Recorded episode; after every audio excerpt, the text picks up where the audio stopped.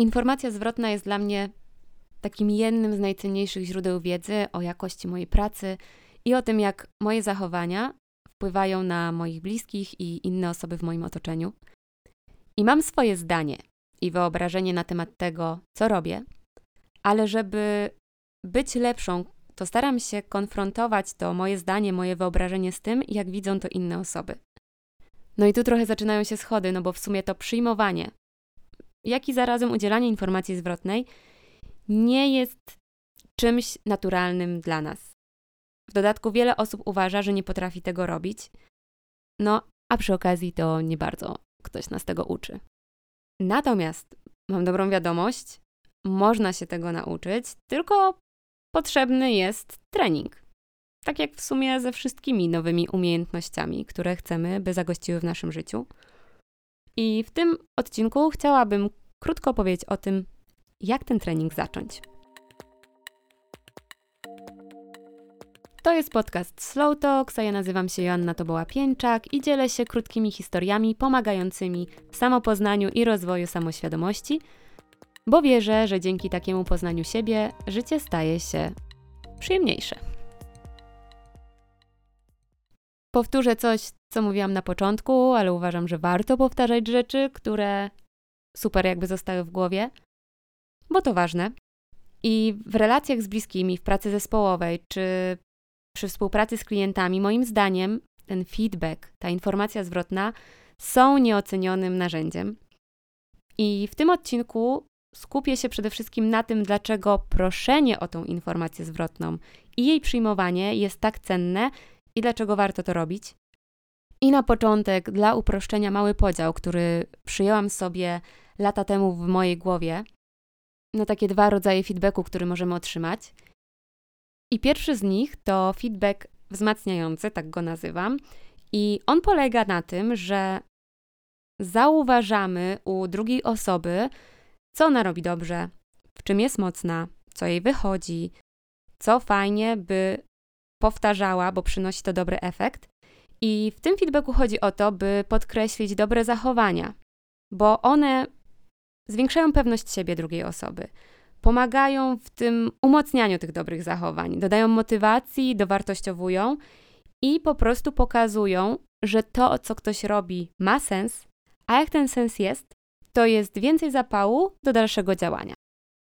Drugi natomiast to feedback prowadzący do zmiany i on polega na takim zwróceniu uwagi na te obszary, które warto byłoby zmienić, poprawić, ulepszyć, wyeliminować, w jakiś sposób popracować nad nimi, by jednak ten efekt finalny był inny od tego, który jest teraz uzyskiwany. I w ramach tego feedbacku, gdy ja sama go udzielam, to zwracam uwagę na to, co w jakiś sposób nie działa, albo co mi przeszkadza, co powoduje we mnie negatywne skutki i emocje, i to jest taka historia o mnie. I ten feedback prowadzący do zmiany jest taką, może być taką sugestią, nad jakimi obszarami warto, by ktoś popracował. Może być takim pokazaniem, że właśnie niekoniecznie ten efekt finalny jest taki, jakiego oczekujemy, lub po prostu jest to zwrócenie uwagi na zachowanie, słowa, czyny drugiej osoby, które nie są dla mnie ok. I co ciekawe, a propos tych dwóch rodzajów feedbacku, według badań, aby w życiu prywatnym zachować taką równowagę i mówiąc równowagę, mam na myśli takie czucie się dobrze w otoczeniu bliskich nas osób, czucie się dobrze z samym sobą, to na taką jedną informację zwrotną, taką korygującą, taką prowadzącą do zmiany, warto, żebyśmy usłyszeli aż pięć wzmacniających. Aż pięć. No i teraz chwila refleksji dla ciebie.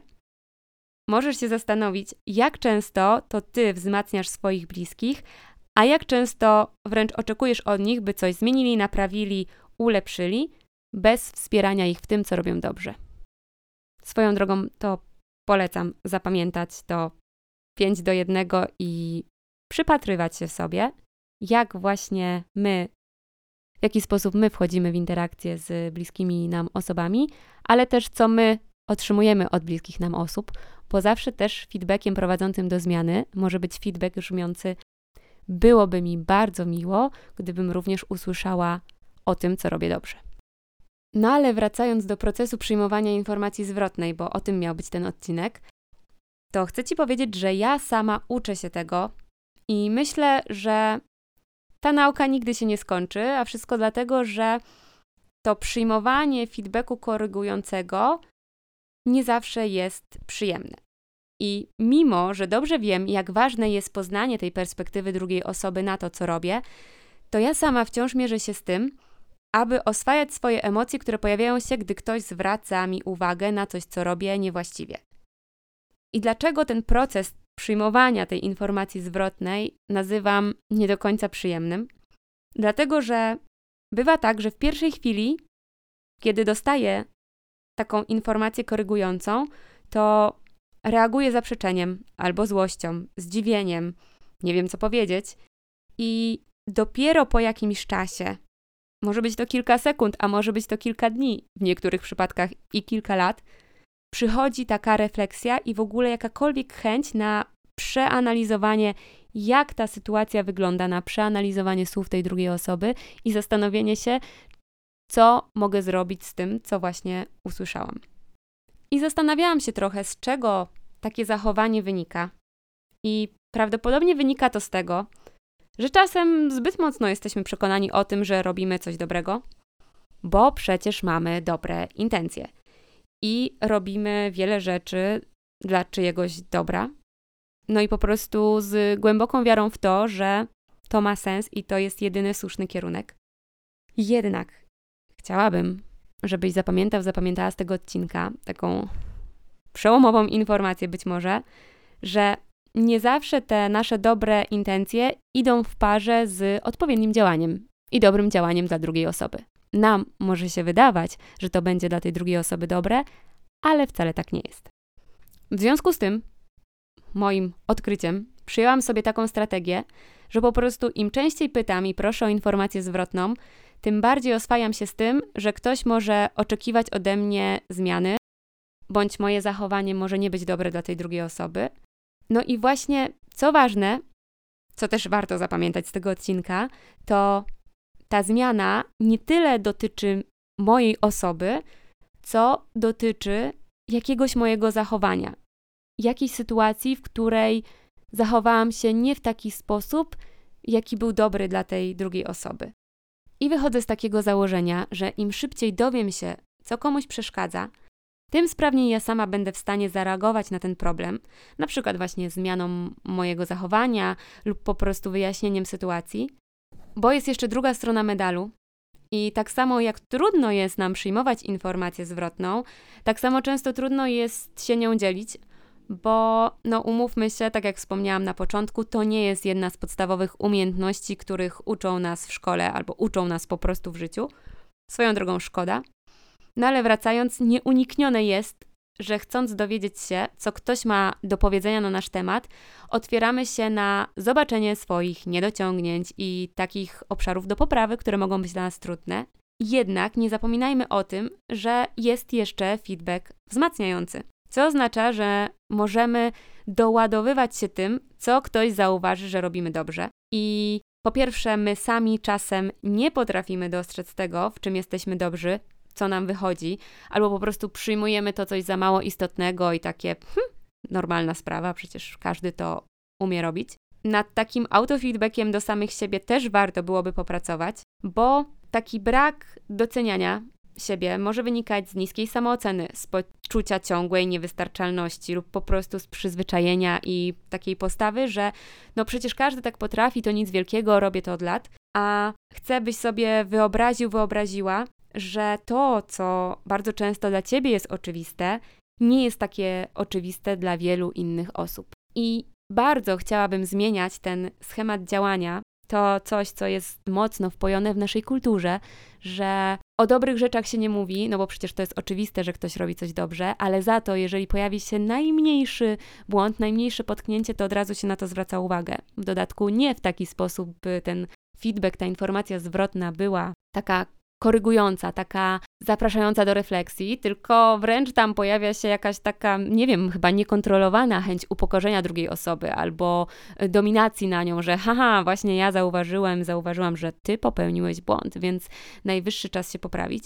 I bardzo mocno po prostu zachęcam do tego, żeby podkreślać te dobre rzeczy, które robią dla nas bliscy, w których dobrzy są nasi współpracownicy, bo naprawdę to dodaje tak wiele dobrej energii, zachęca do dalszego działania i po prostu wpływamy na to, że czyjaś samoocena wzrasta. A im wyższa samoocena, tym wyższa pewność siebie. Im wyższa pewność siebie, tym większa chęć do działania, do wprowadzania zmian, do przekraczania jakichś swoich granic.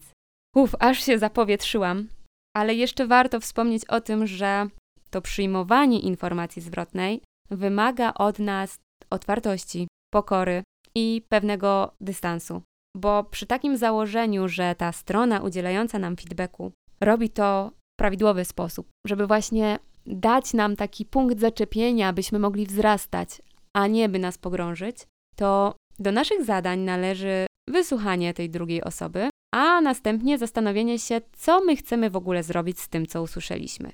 Jednak nie oznacza to takiego, wiecie, ślepego podążania za uwagami innych, bo ważne, żeby wysłuchać i ważne, żeby wyciągnąć wnioski dla siebie. I te wnioski mogą być różne. Mogą być takie, że zgodzisz się faktycznie z tym, co ktoś ci powiedział i postanowisz wprowadzić zmiany.